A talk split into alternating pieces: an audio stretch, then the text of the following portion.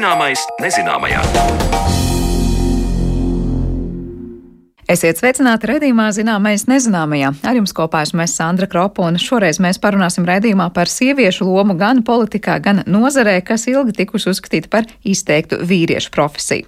Par pirmajām sievietēm programmēšanā un cik ļoti viņu vidū bija pārstāvēts latviešu sarunu redzījumā jau būs dzirdama pavisam drīz, bet stundas otrajā pusē palūkosimies, cik ļoti aktīvas politikā bija sievietes Latvijā pagājušā gadsimtā un kādas bija viņu iespējas tikt ievēlētām parlamentā.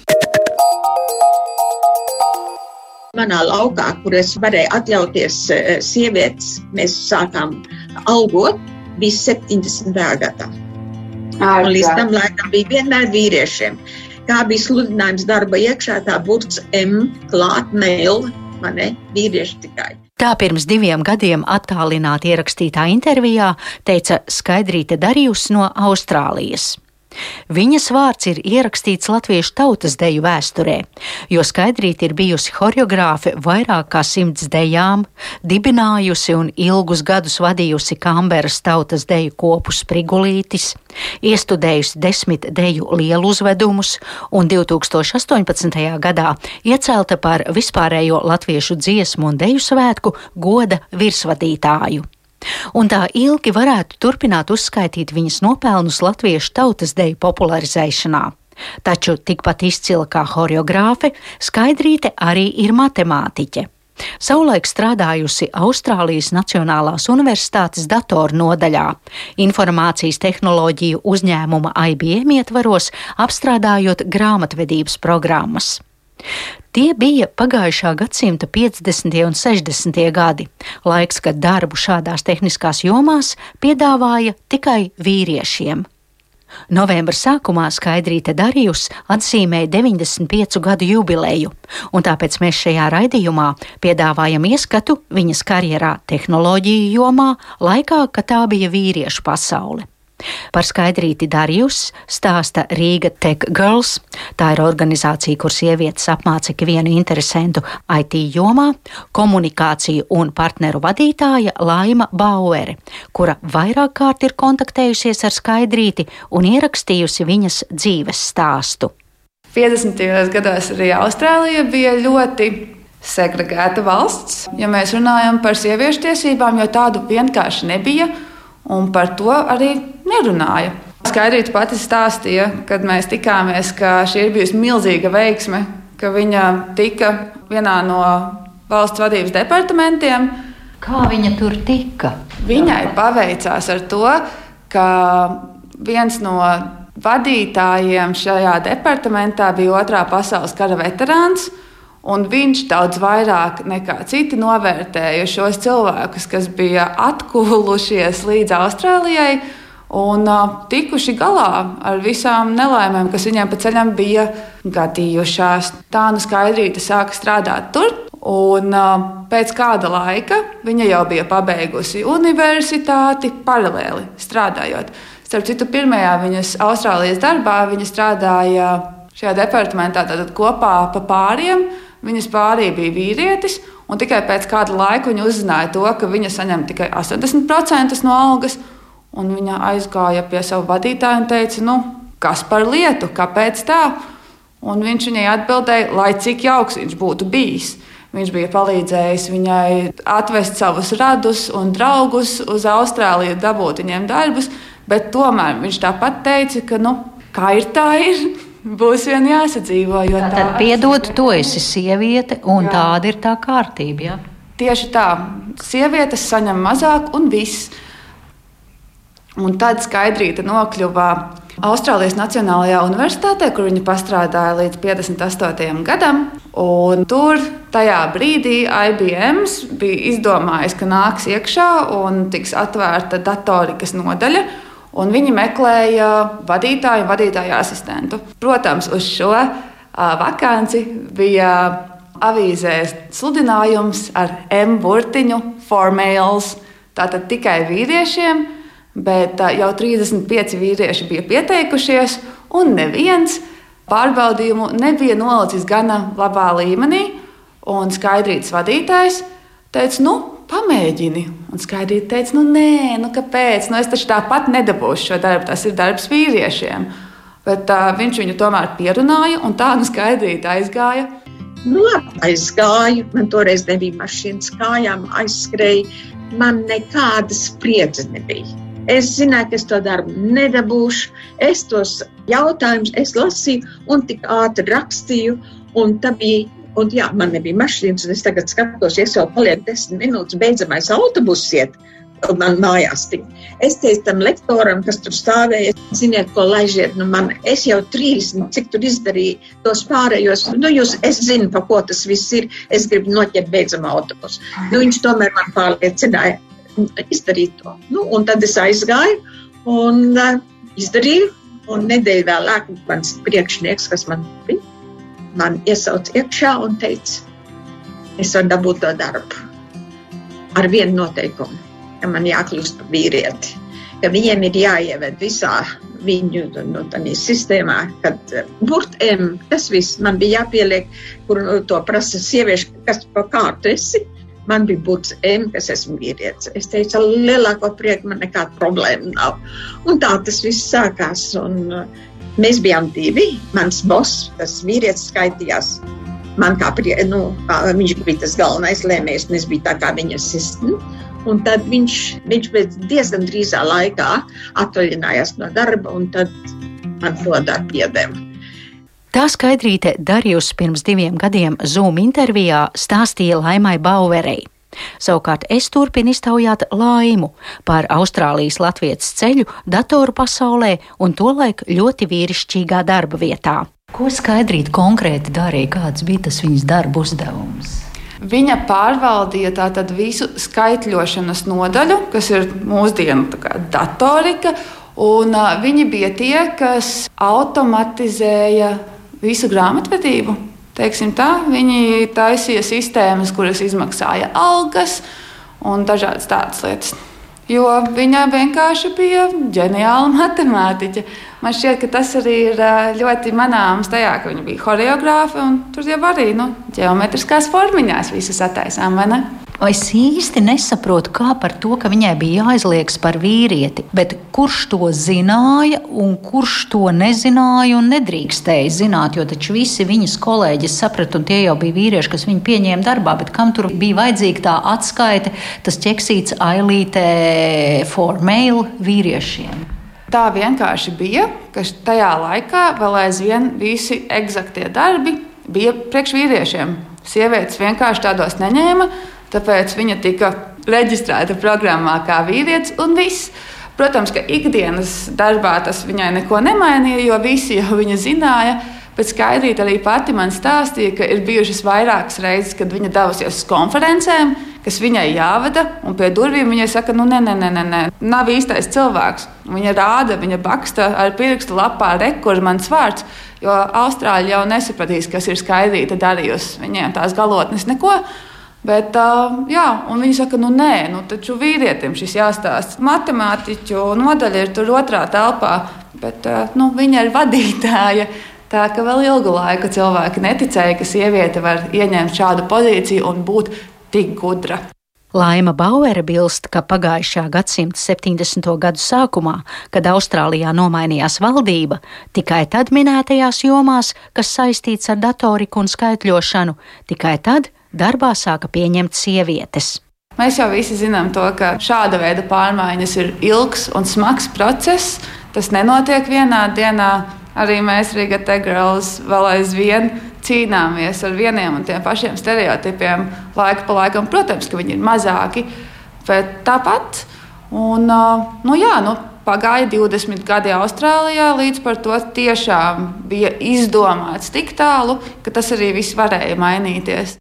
Laimas Bauveres sarunu ar Skaidrīti Darījus var noskatīties YouTube kanālā, un mūsu klausītāji internetā var redzēt saiti uz minēto interviju. Labāk ir kļūdīties, nekā nedarīt nemaz. Tas ir viens no maniem galvenajiem, galvenajām domām, ar ko es uh, savu mūžu esmu dzīvojis. Esi drošs, dari! Izdomā, padomā. nedara uzreiz pirmās skrēja eh, brīdī. Padomā, bet dari. Un, ja nelaimēsies, nu tad nelaimēsies. Bet vismaz tu esi mēģinājis.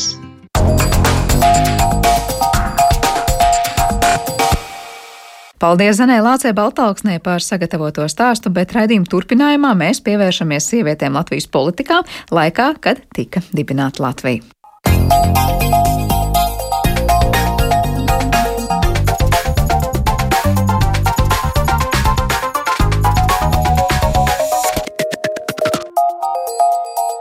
Zināmais nezināmajā. Parasti tuvojoties valsts svētkiem, mēs daudz runājam par to, kā tika dibināta valsts un kādi bija tās lielākie izaicinājumi. Taču cik daudz zinām par to, kāda bijusi sieviešu loma Latvijas politikā 20. gadsimta sākumā un kādas vispār bija sieviešu tiesības runājot par vēlēšanām un dažādām sabiedriskās dzīves aktualitātēm. Diemžēl par to visu ir nācies dzirdēt gaužām maz. Kāpēc tā un cik tad e, klātesoši Latvijas politikā ir bijušas sievietes, par to visu mēs šodien runāsim raidījuma atlikušajā pusstundā kad studijā esam aicinājuši vēsturnieci un Latvijas Universitātes Latvijas vēstures institūta vadošo pētnieci Inetu Lipšu. Labdien! Labdien! Es saprotu, ka mēs tiekamies tādā laikā, kad teju, teju dienas gaismu ieraudzījis ļoti interesanta grāmata, kurā jāteic, esmu nedaudz ielilkojusies tādā nepabeigtajā formātā par kā lai vienkāršot un vispārīgi pasakot sievietes lomu tajā politiskajā dzīvē, sākot no pašiem pašiem sākumiem līdz pat nu, daudzām desmitgadēm. Minēt, par ko īsti ir nācies pētīt to sieviešu lomu politiskajā nu, skatuvē, ja tā var teikt, cik ļoti dažādos aspektos un cik ļoti dažādos um, laika posmos. Tā doma, rakstot šo grāmatu, bija skatīt eh, tieši saimu vēsturi no 22. gada līdz 34. gadam, un 22. gads tātad pēc satversmes sapulces. Satversmes sapulce, kā mēs zinām, ievēlēja 20. gadā, un tajā strādāja sešas sievietes deputātes. Un 22. E, gadā tā tad ir e, šī pirmās saimnes vēlēšanas, un tajā neievēl nevienu sievieti. Seko otrās saimnes vēlēšanas 25. gadā, atkal nevienu sievieti neievēl. Trešās saimnes vēlēšanas 28. gadā atkal neviena, un tad beidzot 31. gadā 4. sājumā ievēlēja demokrātiskā centra e, politiķi Bertu Pīpiņu. Nu, tas jautājums e, lielais bija tāds, nu, Kāpēc tā? Nu, kā tad tā? Nu, kas tad mainījās no satversmes sapulces 20. gadā līdz 22. gadam, kad pēkšņi nu, neviena vairs nebija gana, gana atzīstama, lai tiktu ievēlēta par deputāti? Nu, tas bija tas galvenais jautājums, kāpēc, e, kāpēc es nolēmu, ka ir vērts skatīties šo te latviešu sieviešu starpkaru politiskās vēstures stāstu, ja mēs to tā ģenerāli varam nosaukt.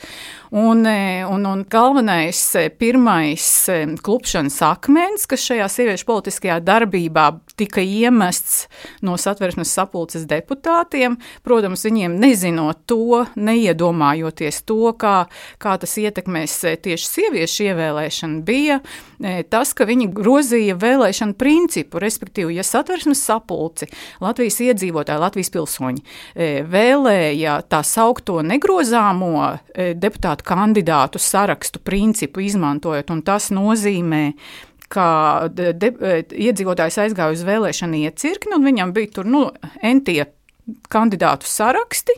Viņš vienu paņēma. Un to pašu iemeta bez nekādiem, bez, bez svītrošanas, bez plusiņu likšanas. Viņš iemeta to tajā um, sarakstu urnā. Nu, tie ir tie negrozāmie saraksti, un šādā kārtībā sešas deputātas tika ievēlētas. Bet nu, tad satversmes sapulces deputāti jau 21. gada beigās, jau saistībā ar pašvaldību vēlēšanu likumu un pilsētu domu vēlēšanu likumu, e, mainīja e, šo principu uz grozāmo sarakstu, deputā, grozāmo deputātu kandidātu sarakstu. Un tas nozīmē, ka līdzīgi kā mūsdienās pilsoņi drīkstēja svītrot kandidātus, bet atšķirībā no mūsdienām viņiem bija vēl lielākas iespējas. Viņi katra izsvītrotā de, nu, ka, deputāta kandidāta vietā varēja ierakstīt jebkuru deputātu kandidātu no visiem vēlēšanu sarad, kandidātu sarakstiem, kas attiecīgajā apgabalā e, balotējās. Tas nozīmē, ka varēja nu, balsot par vienu sarakstu, izsvītrot tur ārā nevēlamos, bet to vietā ierakstīt vispār cita saraksta deputātu tieši kandidātus. tā, tieši tā. Tas bija tāds, sistēma. tāda jocīga sistēma, jā, bet te, tas bija saistīts ar šo te jaunās valsts politiķu vēlmi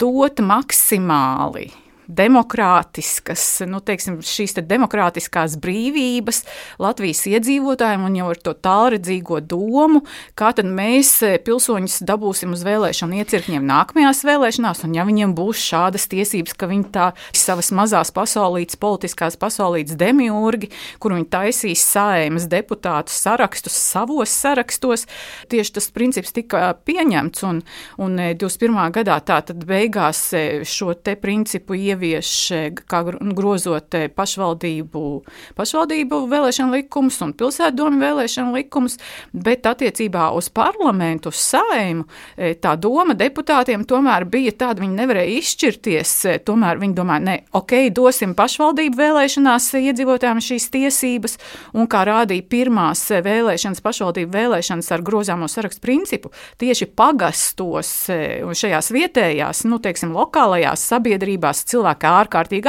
aktīvi izmantoja. Bijuši grozīti apmēram 50-70% no Bet sarakstiem. Dīvaini, kāpēc tajā brīdī nevarēja vienkārši pieņemt sistēmu, ka balso nevis par sarakstiem, bet nu, par dažādiem kandidātiem, ja jau tāpat sajaucās viena kandidāta, ka viena saraksta robežās beigās no dažādiem sarakstiem. Jā, kandidāti. pat nezinu, bet, eh, bet publiskā telpā par to nesprieda, bet eh, bija šī te ideja. Un, un lai, nu, lai pa, eh, paskaidrotu, teiksim, kā tas bija saimnes vēlēšanās, tad jāsaka, ka ne jau visi iedzīvotāji izmantoja šo iespēju grozīt. Ļoti daudzam ņēma to sarakstu un, un, un, un pa savu partiju vai izvēlēto vēlētāju grupu, tad arī balsoja. Un tas rādītājs ir tāds, ka nu, jau uz pirmo saimu no tiem cilvēkiem, kuri aizgāja nobalsot, apmēram 20% grozīja šo sarakstu, tad ar katru nākamo saimas vēlēšanām tas procents pieauga, un 4. saimā 31. gadā šis procents, kas grozīja no vēlētājiem, bija apmēram 35%. Tas ir tā, lai saprastu, kuri ta, te mēs uzreiz sakām, ka tā tad absolūts vēlētāju mazākums noteica to ievēlēšanas kārtību. Bet kā sanāk, nu tagad mēs teiktu, labi, tajā 22. gadā sievietes netika ievēlētas, acīm redzot, tā tad vai nu tās tika izsvītrotas, vai kāda bija tā kārtība, ka saraksta apakšgalā tās viņas bija ierakstītas, un tad vienkārši, nu, cik pirmie deputāti tika, tik tika tālāk. Varbūt varētu teikt, nu, nav pamata nekādām bažām, vienkārši tauta negribēja tās sievietes redzēt uh, deputātu rindās. Mēs pilnīgi noteikti varam e, atmest apgalvojumu, ka tauta negribēja redzēt, jo tie cilvēki, kuri negribēja redzēt, tie bija absolūts mazākums. Nu, es e, minēšu piemēru, piemēram, ar, ar e, dzēnieci Aspāziju kuras dzīves biedrs bija Rainis, un, un, un viņš bija sociāldemokrāta saraksta, nu, teiksim, vienmēr pirmajās rindās, un Aspāzija, lai arī viņa nebija e, pašā augšgalā, bet, nu, kaut kur, nu, teiksim, ap vidu un tam līdzīgi, bet pēc grozījumiem, un ņemsim, piemēram, vidzemes vēlēšana apgabalu, kur, e, kur ir lielākais e, vēlētājs skaits bija, un, piemēram, par sociāldemokrātiem šajā vēlēšana apgabalā e, balsoja kaut kur apmēram 70, e, nu, 70 līdz 70 7000 iedzīvotāji. Tā ir ļoti daudz balsotāju. Un tad mēs ņemam piemēru, es noapaļošu, protams. Nu, ja Rainis, kurš ievēlēts kā pirmais, e, teiksim, dabūna 77 balsis, tad Aspāzijai ir tikai pusotru tūkstoti mazāk. Viņai, teiksim, ir 75,5 balsis. Un tā tad, e, kā vēlāk to viens no sociāldemokrātu politiķiem e, to formulēja, tā tad e, tikai kaut kādi 4% no šīs partijas vēlētājiem ir izsvītrojuši Aspazī. Tikai 4%. Tātad 96% gribēja, lai Aspazī ir deputāti. Un, e, bet tas vēlēšana likums bija tāds, ka šie 4%, tā kā viņi bija svītroši, viņi arī noteica ievēlēšanas kārtību. Un, un kā jūs jau teicāt, jā, viņi izsvītroja Šie 4% no visiem vēlētājiem par šo partiju izsvītrojās pazīmi, un viņi nokrita sarakstu beigās. Un te ir tas paradoks, e, ka, ka šis vēlēšanu princips e, sita tieši pa sieviešu ievēlēšanu. Un, un kāpēc? E, deputāti nebija iedomājušies satversmes sapulces deputāti, tajā skaitā arī tās sešas deputātas neiedomājās, jo neviens par šo neizteicās. Un tas vienkārši cilvēki nevarēja, nespēja, jā, jā, nespēja iedomāties, ka tas tā varētu notikt. Ka, Piemēram, Ziemeļvalstīs šķiet, ka Norvēģijā tas bija, bija pieņemts, kur arī bija svītrošanas, šitā, bija pieņemts, ka svītrojums ņem vērā tikai tad, kad tie sasniedz konkrētu skaitu. Nevis, ka absolūts viens cilvēks tevi var nomest, nu, kas tas vispār ir, tās jau vairs nu, nosacīt demokrātiskas vēlēšanas ka, kad, e, piemēram, svītrojumu skaitu ņem vērā, e, attiecīgi, piemēram, tam ir jāsasniedz e, puse no to balsu skaita, kas ir vajadzīgs, lai vispār iegūtu mandātu, deputātu mandātu konkrētajā vēlēšana apgabalā. Nu, un vēlāk, starpkara posmā, tad jau, nu, piemēram, Sociāldemokrātiskās partijas sieviešu centrs aktīvi mēģināja panākt gan ar, caur savu saimnes frakciju, gan caur kongresiem, ka, nu, ka sociāldemokrāti panāk, e, inicijē šo vēlēšanu likumu grozījumus, un, lai noteikti kaut kādu procentu, piemēram, 20%, kas ir vajadzīgi no, no šī balsu skaita, lai e, iegūtu mandātu, tikai tad sāk ņemt šo svītrojumus vērā. Bet nu, Latvijas, starpkara Latvijā tas nenotika.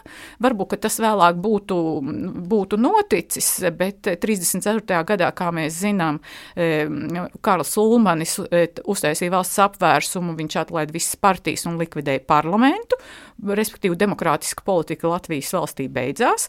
E, mēs nezinām, kā, kā varētu būt bijis, jo šī te, e, tāpēc arī grāmatā es skatu, ko tad viņas darīja, lai mainītu šo situāciju. Kā viņas sprieda, viņas sasauca kongresus, rakstīja rezolūcijas, strādāja ar saimnes frakcijām, patiesībā vairāk ar saimnes komisijām. Bet viņas... tajā brīdī tās jau bija kā sieviešu organizācijas, jo viņas bija Jā. neievēlētas saimā, tad viņas varēja tajā darboties, nu kā nezinu, NVO. NVO kaut kā. Jā, tieši tā. Nu, mūsdienās mēs to sakam caur NVO.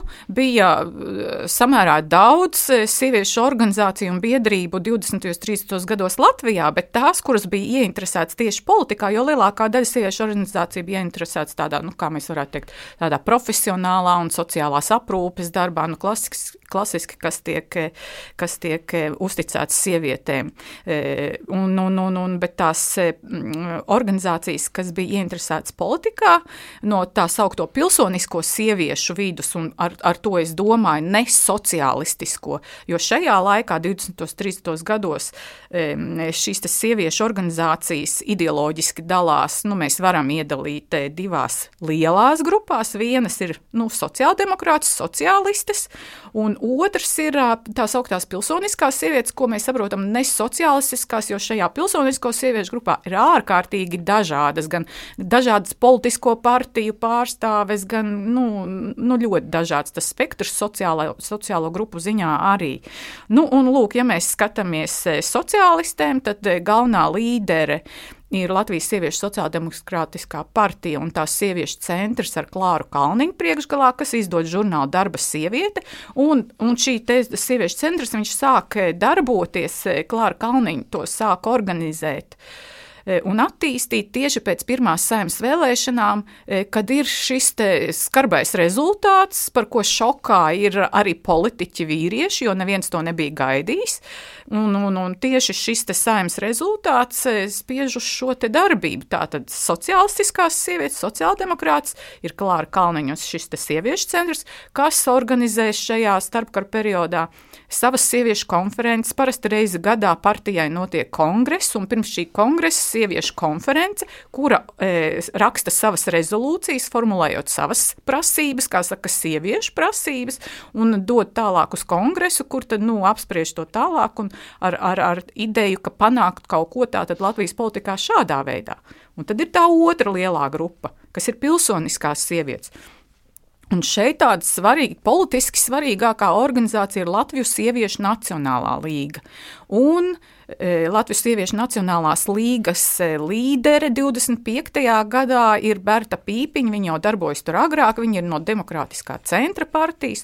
Un šī Latvijas Sieviešu Nacionālā līga uzņems tādu iniciatīvu, uh, Viņas domā, nu, ka vajadzētu kaut kā e, izveidot kaut kādu tādu struktūru, caur kuru varētu e, sadarboties šo dažādo pilsonisko sieviešu organizāciju dalībnieces. Un e, Latvijas Sieviešu Nacionālā līga ir līdere. E, 24. gada sākumā e, sasauc dažādas sapulces sieviešu, un tas ir saistīts jau pirmkārt jau ar sieviešu civiltiesību, e, ar sieviešu vīriešu līdztiesības principu panākšanu civiltiesībās, sāk viņas to darīt. Un 25. gadā Latvijas Sieviešu Nacionālā līga tā tad ir līdere, sieviešu šī te dažādu biedrību konferences, pirmās konferences sasaukšanā, un šajā konferencē viņas pieņem lēmumu dibināt tādu Latvijas sieviešu organizāciju padomi, kurā būtu pārstāvētas lūk šīs sieviešu organizācijas, kas ir ieinteresētas kaut kādu politisku izmaiņu panākšanā. Tad var teikt, ka abi flangi tomēr sadarbojās kopā tādā kopīgā platformā, var teikt, kopā abi flangi, e, nē, abi flangi sadarbojās e, tikai pašā sākumā, 24. gada sākumā.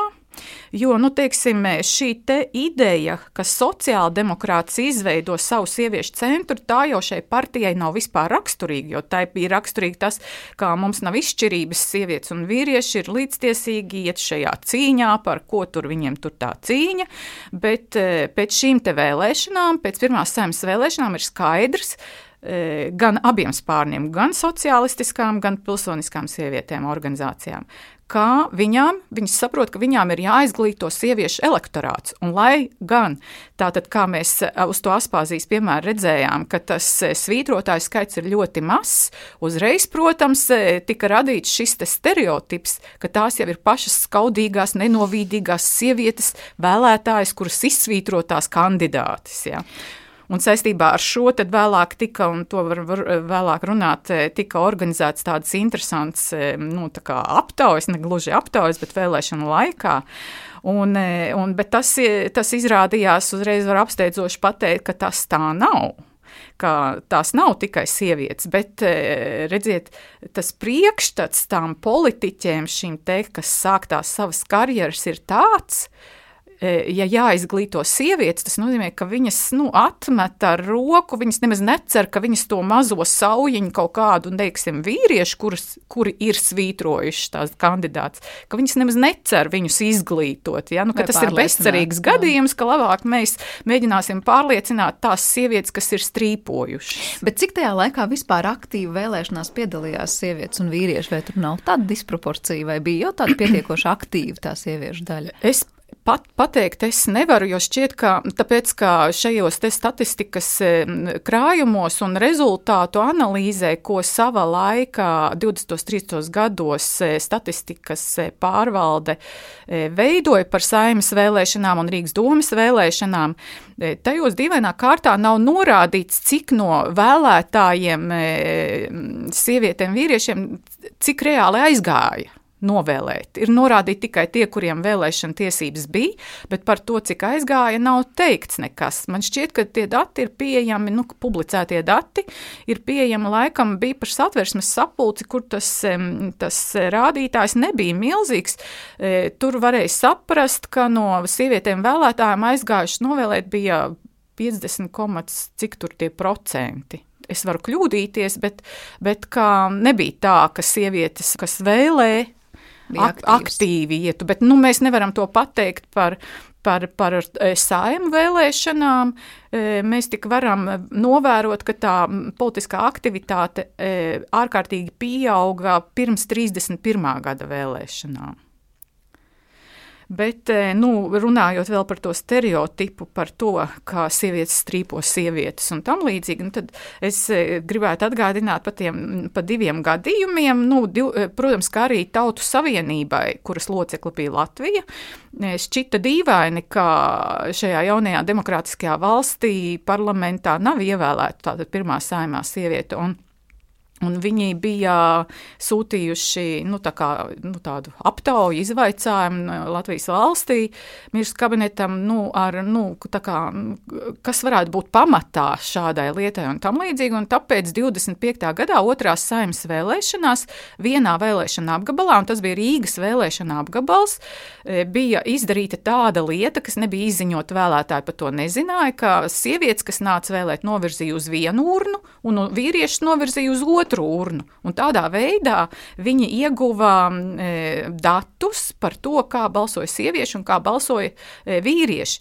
Nu, un tad no, te, no šiem te datiem tad, e, Marģers Skujanieks, e, analizējot šos datus, tad e, secināja, ka no tiem, cil, no tiem vīriešiem, kuri vispār strīpoja, un es atgādinu, ka pirmās saimnes vēlēšanās vispār no visa vēlētāju kopuma tikai apmēram 20% svītroja vēlētāji. Tātad no tiem vīriešiem, kas bija svītrojuši, 75% bija svītrojuši sievietes bet no sievietēm 50% svītroja sievietes. Tātad mēs tā varam teikt, ka principā tie lielākie svītrotāji bija vīrieši, bet jebkurā gadījumā tas bija absolūts iedzīvotāju mazākums. Cik lielā mērā mēs varam spriest par tām motivācijām? Es nezinu, vai ir zināms. Uh vai tā bija tāda arī kaut kāda aizspriedumu motivācija, proti, es negribu vispār sievietes politikā, viņām tur nav vietas un tā tālāk. Un tā, protams, kāpēc gan tie vīrieši, gan tās sievietes svītroja tieši sievietes? Vai bija kaut kādas idejas, pret kurām bija iebildumi?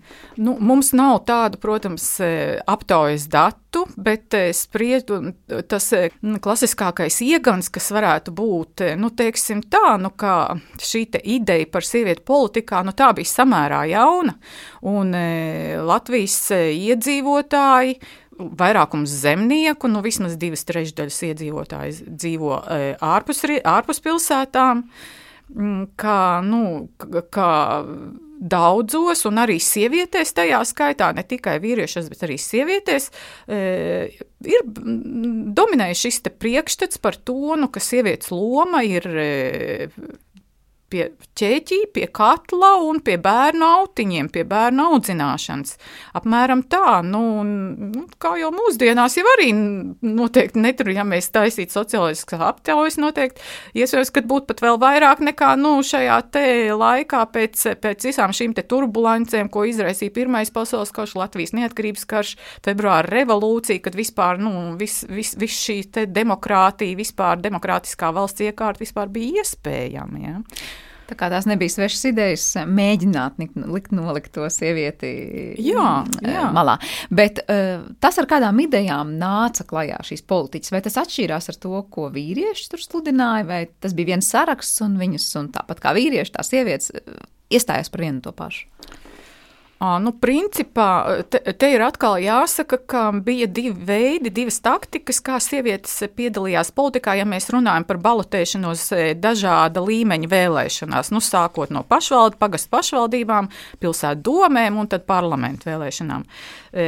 Viena, viena taktika sievietēm bija strādāt e, politiskās partijās, esošajās politiskajās partijās, kas, protams, tajā laikā e, dominēja vīrieši. Nu, es, es, pat varā, es pat domāju, ka, nu, ja mēs runājam par kaut kādām pilsoniskajām partijām, tad tur nu, 90% pilnīgi noteikti bija vīrieši.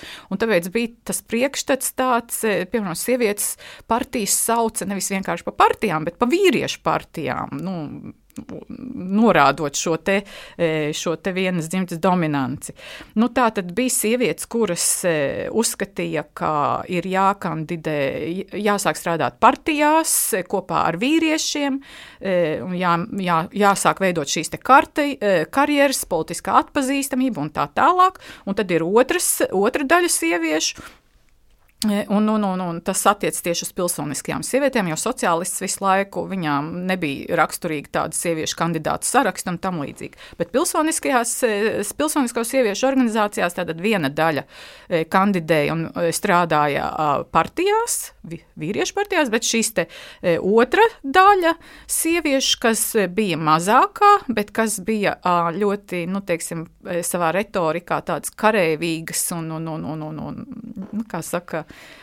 uzreiz pamanāmas.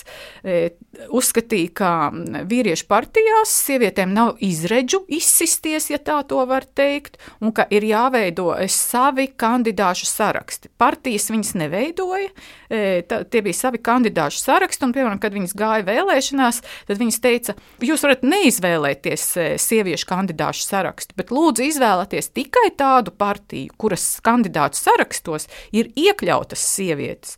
Jo, ja partija partija neiekļauj savā kandidātu sarakstā sievietes, tad tā ir atklāta attieksme, nu, mēs to teiktu, mizogīnija pret sievietēm. Bet, ja viņas nedibināja to savu partiju, tad sanāk, viņi to savu sarakstu piedāvāja esošajām partijām vienkārši. Nē, nē, nē, nu, bija tāda kārtība, ka mm, vēlēšanās varēja startēt ne tikai partijas, bet arī dažādas ah. vēlētāju grupas, apvienības.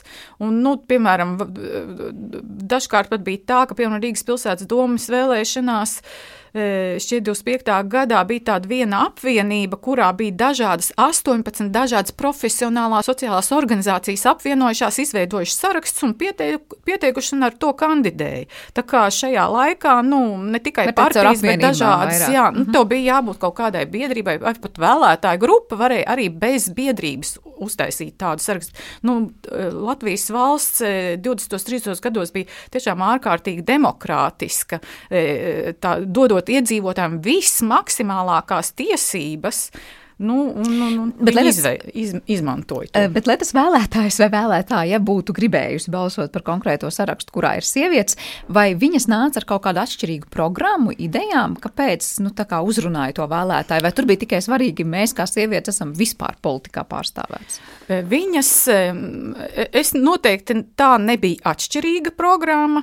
Eh, tā bija programma, kas, kurā bija izcelti tieši tie jautājumi, kas vairāk saistās tieši ar sociālo apgādi, ar aprūpi, ar izglītību, ar kultūru. E, kas, e, kā saka, jau klasiski tika uzskatītas par tām sieviešu jomām. Un, e, viņām jau arī nu, zināmā mērā bija jāizmanto nu, teiksim, tie priekšstati, kas, kas dominēja tajā laikā, lai gūtu kaut kādus panākumus. Nu, viņas piemēram nevarēja teikt, nu, nē, mēs tagad gribam ekonomikas ministra amatu un tam līdzīgi. Viņas tā kandid, nu, pretendēja uz sociālās apgādes, uz izglītības un tam līdzīgām tām jomām. Tā kā varētu teikt, ka viņu programmas bija vairāk izstrādātas tieši šajos, uz šīm nozarēm vērstas. Un, piemēram, e, sieviešu deputātu kandidātes e, un arī kandidāšu nu, pat saraksti ja, e, vairāk bija vēr, ieinteresēti. Viņas bija vairāk ieinteresētas darboties pašvaldībās, pilsētu domēs, pašvaldībās. Jo, nu, kā mēs zinām, arī mūsdienās, piemēram, Rīgā, tā tad pašvaldība arī ļoti daudz ko nosaka šajās sociālās aprūpes jomā. Bet nāk tā, ja tāds vēlētājs, kuram varbūt nu, ļoti interesēja tur valsts tālāk attīstība, vai ārpolitikā, vai nezinu, tur ekonomikā, vai kā citādi, ka nu, bija jau saīsinās, sa, sa, sašaurinās patiesībā tas lokus, kurš uzreiz nāca pie tiem sarakstiem vispār izskatīt tur sieviešu kandidatūras, jo viņas pat vispār īsti nepiedāvāja savu redzējumu tur varbūt ārpolitikā vai ekonomikā. Kad uh, varbūt tie vēlētāji, kuri tur bija ļoti interesēti citos jautājumos, pie labākās vēlēšanās nemaz mhm, netika līdz, mhm. līdz šo sieviešu to, ievēlēšanai. Jā, to mēs varētu attiecināt uz šiem te simtprocentīgiem sieviešu kandidāšu sarakstiem, bet to mēs nevaram attiecināt uz sievietēm, kas kandidēja no partijām, jo partijām vienmēr bija e, šīs programmas ārpolitika, ekonomika, sociālā aprūpe un tā tālāk, bet e, arī partiju vidū tika, nu, kā saka, reklamēti kandidāti, un, un, un tad eh, attiecīgi arī vīriešiem, ne jau viņiem visiem tika visa partijas programma pieliktā.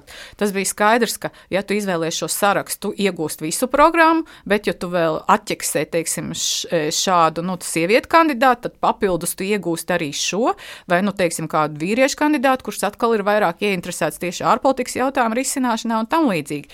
Tā kā mēs to varam teikt, jā, par sieviešu kandidāšu sarakstu, sarakstiem, kad jā, viņas koncentrējās, protams, kad bija formulēts arī nu, šie lielie jautājumi par valsti, par korupcijas apkarošanu un tam līdzīgi. Īpaši tas e, bija Latvijas sieviešu apvienībai, kura izvirzīja savu deputāšu kandidāšu sarakstu trešās saimnes vēlēšanās 28. gadā, un viņas, nu, viņas, e, viņu līderi bija tāda Emīlija Jurēvica, un e, viņu kā reize bija raksturīga viņai šī te kareivīgā retorika, kas mazliet, teiksim, lai iegūtu to, nu, teiksim, kaut kādu publicitāti arī zināmā mērā, tad viņa to karavīgo retoriku vērsa pret eh, nu, vīriešiem, jo nu, kas tad Latvijas valsta līdz šim nu, attīstīja un kas atradās vadošos amatos, visu laiku atrodas vīrieši.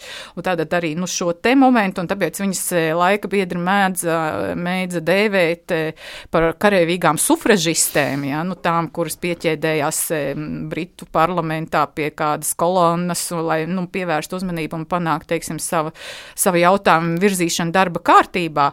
Nu, un e, tad e, šī tieši Latvijas sieviešu apvienības vēlēšana programma bija, nu, ir, ir jau diezgan amizanti lasīt arī no, vien, no, tādas, e, no tāda viedokļa, nu, no mūsdienu acī, ar mūsdienu acīm.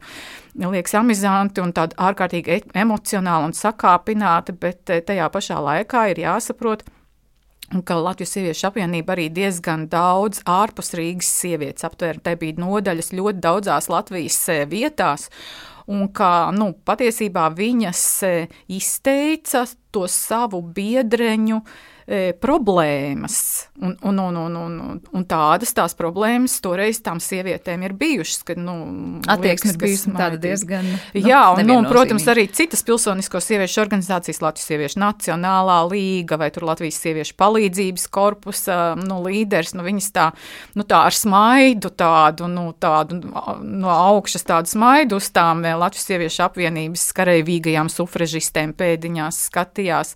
Bet eh, ar to es gribu teikt, ka tomēr nu, bija dažādas šīs organizācijas, un ja, un ja tā viena grupa bija ļoti pietuvināta un, un, un, un, un politiskām partijām, arī tādā ziņā, nu, kad toreiz, piemēram, Milda Salnā, kas bija sociāldemokrāta mazinieku politiķi, kas darbojās kopā ar pilsoniskām sievietēm, piemēram, Bertu Pīpiņu tandēmā šajā te Latvijas sieviešu organizācija padomē, viņa, e, nu, aģitējot pret atsevišķu sieviešu kandidātu sarakstu. Viņa tā arī rakstīja. Nu, kā tad jūs iedomājaties, kāda ir iespējama ģimenes dzīve, ja tagad vīrs ir piemēram no Latviešu zemnieku savienības un viņa sieva ir komuniste? Nu, kaut kādā mērā jau viņai jau tā taisnība ir, un pārsvarā mēs redzam arī tos e, politiķu pārus politikā. Ja? Piemēram, 28. gadā Rīgas domas vēlēšanās Latviešu zemnieku savienība ne, tur kandidēja pieci laulāti pāri, ieskaitot, piemēram, Hugo Celmiņu, kurš ar savu dzīves biedru Martu Celmiņu, kas bija Latvijas sarkanā krusta līdera, un Hugo Celmiņš ir bijis, e, piemēram, ministru prezidents arī Latvijas parlamentārās demokrātijas laikā, un, piemēram, Kārlis Ulmans savukārt e, par savu partneri partneri bija paņēmis savu brāļa sievu, un tad, eh, tad šajā laikā jau pēc tam pirmām saimnes vēlēšanām jau ir skaidrs saprotams, ka e, ir pilnīgi gandrīz viena alga, e, kādā kārtībā tu saliec tos kandidātus sarakstā. Un tad viņi bija Latviešu zemnieku savienības šajās vēlēšanās vispār bija sastādījis Rīgas doma, sastādījis sarakstu alfabēta kārtībā, un tad šie te pieci laulātie pāri, tas ir interesanti, kā daži no viņiem e, vīrs bija palaidis sievu pa priekšu tajā sarakstā, un sav, savukārt e, vēl e, citi to sievu zem sevis lika. Ja? Nu, tur tādi, nu, tādi amizanti arī, nu, teiksim, ka tās, kad, kad politiķi jau zina, ka sievietes visticamāk tie daži, kas būs svītrotāji, tie izsvītros un viņas rezultātā nolidos sarakstu zemākajās vietās. Ja, te mēs nonākam pie jautājuma, ko varbūt pašā sarunas noslēgumā ieskicēsim, jo jautājumu, kurus apspriest vēl būtu daudz. Kas bija šīs sievietes? Te mazliet jau izskanēja tas, ka tur sieva vai, vai, vai kāda cita radiniece. Vai tās politiski aktīvās bija tās, kuram vīri, brāļi, tēvi, es nezinu, tāpat jau bija politikā, vai tās bija vienkārši sievietes, kas varbūt ar politiku nebija līdz tam vispār ģimenē nekādīgi saistītas un vienkārši izjūt sevī vēlmu būt tajos sarakstos? Ja mēs runājam par līderiem, jo principā, e, ja kopumā mēs skatāmies e, šo, šos te sieviešu kandidātu skaitu, tad, e, tad es, es pat teiktu, ka tas ir vairākos simtos mērāms, un līdz ar to kaut kas vairāk biogrāfiski ir zināms tikai par tām līderēm. Jo, nu, es, piemēram, ieskicēšu 31. gadu, jo tas ir tāds, nu, tiešām tāds politiskās enerģijas uzplaiksnījuma laiks, kad, nu, uz Rīgas domu, piemēram, kandidē 142 sievietes, uz Liepājas domu apmēram 70 sievietes, uz Jēlgavas pilsētas domu apmēram 70 sievietes, uz Jēkabpils pilsētas domu 22 sievietes. Respektīvi, tas e, enerģijas akumulācija ir notikusi diezgan baiga. Un, e, un, un, un, un tāpēc tos e, tādus statistisku pētījumu par to, nu, teiksim, kādas bija tās, mums, mēs pat biogrāfijas pagaidām nezinām viņām lielākai daļai. Bet, ja mēs runājam tieši par līderēm, tad, tad tiešām tā arī ir, ka nu, ka no ģimenes, vai tas būtu vīrs vai brālis vai kaut kā tam līdzīga, pārsvarā bija iesaistīta. Nu, piemēram, ņemsim Berta Pīpiņa. Viņa 17. gadā sāka radikālu demokrātu partijā, viņas e, dzīves biedrs bija ērmanis e, Pīpiņš Vizulis, kuram piederēja izdevniecība, tipogrāfija, saistīti bija savulaik ar sociāldemokrātiem. Šajā laikā jau nē, Pīpiņš Vizulis kandidēja šķiet uz Rīgas domas vēlēšanām no šīs partijas, bet viņš mira 27. gadā, un kad Berta kļuva par deputāti, viņa jau bija atraitne. Tātad ir šī ģimenes saite. E, Klāra Kalniņa, protams, tā ir vispār klasika, ja mēs Pauls Kalniņš, saimas priekšsēdētājs, ilgadīgais. Bruno Kalniņš, viņas dēls, un, un šī iemesla dēļ uz pirmo saimu partija Klāru Kalniņu nelaida kandidēt, jo pateica, ka trīs Kalniņi vienā sarakstā ir pa daudz, turklāt no vienas ģimenes. Milda Salnā savukārt ir viņas dzīves biedrs Voldemārs Salnais ārlietu ministrs vēlākais, un viņš ir bijis labklājības ministrs. 25. gadā, piemēram, partijas, sociāldemokrāta maznieku partija Mildu Salno izvirzīja tautas labklājības ministra amatam, bet labējās partijas noraidīja, un par ministru kļuva viņas vīrs Valdemārs Salnais. Tā kā jā, mēs šīs te šīs te e, saiknes, ģimeniskās saites tajā politikā redzam. Bet, e, lai runātu par, par to sieviešu masu kandidāšu, tām, nu, teiksim, divi, trīs simti, kas, ko, me, ko man ir izdevies saskaitīt, visas šīs te sievietes kandidātes ir minētas grāmatā, tabulās, dažādos sarakstos varēs redzēt, kad arī, nu, tur Jēkapilī kandidēja sieviešu sarakstu un citās pilsētās, tur to visu varēs redzēt, un tas ir e, milzīgs nākotnes darbs, kur es ceru, ka radīsies kādi studenti ieinteresēti. Droši vien, ka tas ir tāds laba augsne, kas ir iedota, lai notiktu tālāk pētījumi, jo tiešām ir interesanti, kas slēpjas aiz tām pārējām mm. sievietēm. Un, protams, ka tie procesi, kas ir iezīmēti, jau ir interesanti, un mēs varam tikai minēt, kas būtu, ja būtu. Jo Jā. tajā pirmajā saimā tā sistēma būtu citādāka, un tur būtu vairāk sievietes bijušas pārstāvētas. Varbūt nekas nebūtu daudz mainījies, varbūt. bet varbūt ļoti kardināli. Lielas paldies par šo sarunu. Ineta Līpša, tātad vēsturniece un Latvijas Universitātes Latvijas Vēstures institūta vadošā pētniece pie mums šodien viesojās raidījuma zināmais nezināmajā studijā. Grāmata pavisam, pavisam drīz jau nāks klajā, un tad jau, protams, visi interesanti arī var sīkāk un smalkāk eh, lasīt par sieviešu lomu un vietu Latvijas politikā 20. gadsimta pirmajā pusē. Ar to šis raidījums ir izskanējis, un to producēja Paula Gulbins, kas skaņu režijā bija Reinas Budze studijā. Es Sandra Kropa, un mēs tiekamies jau atkal rīt. Visu labu!